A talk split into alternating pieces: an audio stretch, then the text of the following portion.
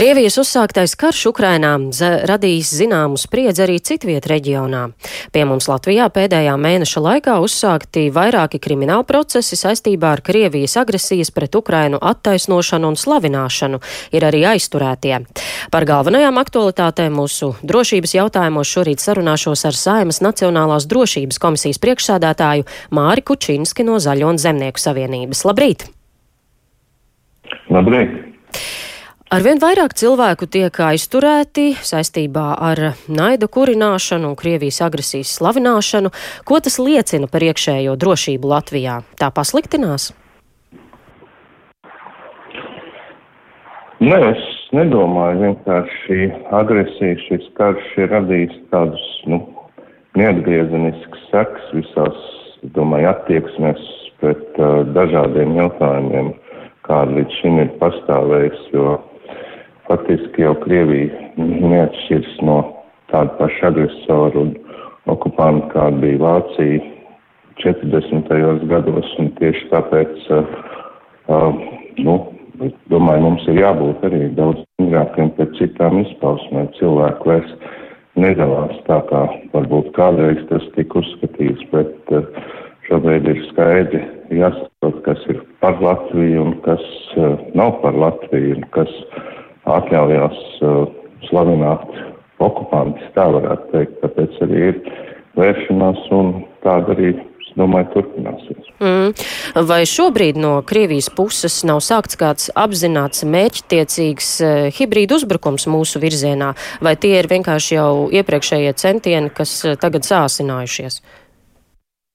Nē, nekādu, nekādu šobrīd būtisku izmaiņu nav pēdējā laikā. Arī uh, manīt viss ir, viss, viss ir tā, kā tas ir no kara sākuma. Protams, ka ik pa brīdim Krievija raida arī kādas izteicienas, varētu teikt, par draudus arī Baltijas, Latvijas virzienā, bet uh, tādi ir bijuši jau arī agrāk, un mēs ļoti labi saprotam, ka šobrīd viņi ir uh, pilnībā aizņemti Ukrainā, viņi ir stipri novājināti šajā jau ilgstošajā karā, kas jau otrā mēnesis, mēnesis iet, tāpēc Bet, protams, ka mēs joprojām esam nu, tādā kā paaugstinātā gatavībā, protams, pret visiem jautājumiem, tā skaitā arī pret iespējamiem kiberuzbrukumiem, pret iespējamām tādām lietām, ko, ko varētu arī veikt, tāpēc mums jābūt vienkārši mobiliem. Mm. Vakar Ukrainas izlūkdienests publisko informāciju par vairāk nekā 600 krievu spiegiem, kas darbojas Eiropā. Kā ir Latvijā, vai mūsu atbildīgie dienesti ir vismaz aptuveni apzinājuši to Krievijas ietekmes aģentu tīklu? Cik liels tas ir? Nu, to droši vien detalizētu informāciju, jā, arī man lūgt, droši vien, ka uh, nu, tas paliktu tādā kā noslēpumā, bet, bet uh, Jā, tas, kad ir, ir tā saucamie Krievijas aģenti, un viņi ir, ir pat tādi kā bezmaz puslepeni, mēs zinām, ka vēstniecībā vienmēr tādi tiek turēti, un par to mūsu dienas zina, ik pa brīdim jau arī kāds tiek izraidīts. Tā kā par detalizētu informāciju vai no šīm publikācijām ir arī Latvijā cilvēki, droši vien šobrīd sāpes izvērtēt. Man nav tādas informācijas. Mm. Vai arī Latvija tas skar tieši. Kopumā mūsu dienestu kapacitāte ir pietiekama, lai tiktu galā ar to, lai laikus atklātu un arī atbilstoši rīkotos šajā situācijā. Jau no paša sākuma mēs teicām, gan uh, saimnes komisija jau arī vērsās dro, pie drošības drošības dienestu un arī pie sāba par to, ja gadījumā ir kādas problēmas ar kapacitāti, ja ir nepieciešama papildinājuma, pastiprinājuma, tad mēs to esam gatavi arī inicēt uh, parlamentā. Tā kā šādu signālu vairāk pagaidām nav un ir no viņiem atbildi, ka mēs tiekam galā. Tāpēc uh, sekojam mm. līdzi visam. Par noskaņojumu dažādos Latvijas reģionos. Nesen TV3 kolēģu sižetā bija redzams, kā Daugopilī izturas pret tiem, kas atbalsta Ukraiņus. Tur bija gadījums, kad izrauj Ukrainas karogu no rokām arī apsaukā. Kā jūs raksturotu to etnisko situāciju Latgalē, vai tas jums rada bažas? Pat neteiktu, ka tas ir etniskās situācijas dēļ, tas vairāk ir informatīvās telpas dēļ, kādā ir dzīvojuši cilvēki. Un šeit mums ir arī jāatzīst, ka, cien redzot, mm, pārāk uh, maigi Latvija izturējās pret uh, iespējām cilvēkiem skatīties dažādas kanālus, un tāpēc uh, cilvēki, kuri ir dzīvojuši Krievijas informācijas telpā, viņi nu, diezgan tālu stāv no mūsu patiesības, tāda kāda viņi ir uh, redzami visā rietumu pasaulē, bet skatoties Maskavu, šis noskaņojums ir, uh, nu, zināmā mērā pat diezgan satraucoši. Tieši tāpēc arī uh, šobrīd tik daudz kanālu tika pārtraukti un acīm redzot mums vajadzēja jau mācīties no Ukrainas, lai gan Tur ir arī zinām attaisnojumi, ņemot vērā, ka mēs pakļaujamies visām direktīvām, kas attiecas uz dažādām brīvībām. Tā skaitā, tā skaitā arī cilvēki iespējams skatīties dažādus kanālus. Uh, Ukrainā mm, tas jau tika izmainīts pēc Krimas, un mēs redzam rezultātus neatkarīgi no tā, kādā, kāda ir dzimtā valoda, viņš šobrīd viss cīnās vienā frontē.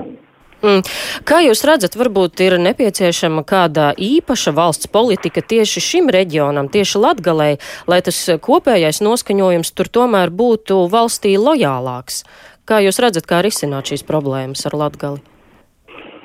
Nu, pilnīgi noteikti. Es domāju, ka, ka mums ir jādažādo, mums ir jādod, jādod nu, to vienkārši teikt, savi kanāli, sava informācijas telpa, un tur nekādas atrunāšanās īsti nevar būt par to, ka nav kaut kas tehniski iespējams, ka nav, nav tik daudz kanālu, kā, kā cita informācija laužas savādāk iekšā. Man šķiet, ka tas liks pārskatīt uh, politiku attiecībā īpaši uz, uz Latgalu, uz uh, mūsu informācijas pieejamību. Tur iespējams tas arī maksās diezgan ievērojams summas. Tas vienmēr ir bijis attaisnojums, kāpēc kaut ko nevar.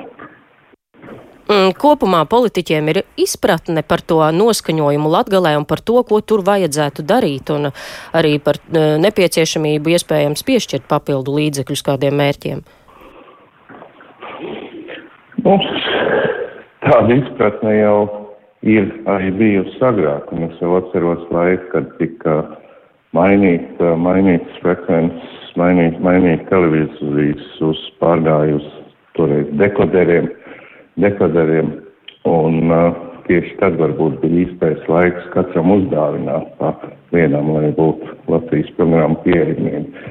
Tas bija naudas jautājums, bet to, ko es noteikti gribu teikt, šeit ir jāiesaist vairāk arī pašvaldības. Viņas noteikti zina, kādi, kas ir nepieciešams, kā labāk strādāt ar cilvēkiem, kā viņiem dot vairāk informācijas. Mums pilnīgi noteikti vajadzētu pārskatīt arī uh, attieksmi pret pašvaldību avīzēm, īpaši Latgales reģionā. Es nedomāju, varbūt visā Latvijā tas nav aktuāls, mm. bet uh, jāmazina prasības, kādas šobrīd likums nosaka.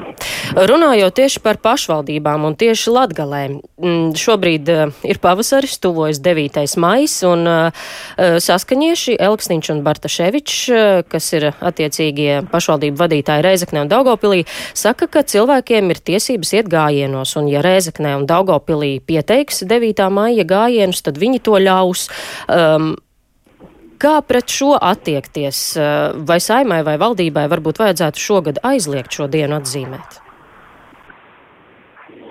Es domāju, ka mērķis ir noformulēts, ka 9. maijā tā vai savādāk, bet šī diena ir jāpārvērtē un, un ja kāds aiziet noliek ziedus, tad ne 9. maijā, ne citā, citā datumā, bet pašā laikā, protams, publiski pasākumi, kas slavinātu šo dienu, vai, vai tādi tie šobrīd pilnībā būtu jābeidz. Ar kādiem, ar kādiem uh, līdzekļiem, kādiem mērķiem, vai, vai to būs jāmaina likums, vai pietiek jau esošā likumdošanā ar, ar to, ka neatļauj tādas pasākums.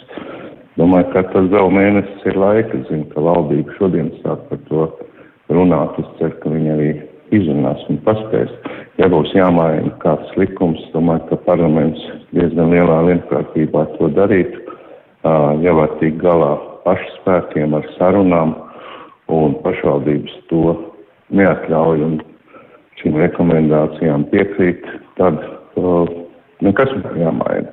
Bet viennozīmīgi kādu masu pasākumu šajā datumā Latvijā noteikti nebūs. Jā. Vai netiks pieļaut, ja kāds to pārkāp, tas cits jautājums, bet to arī vērsīsies.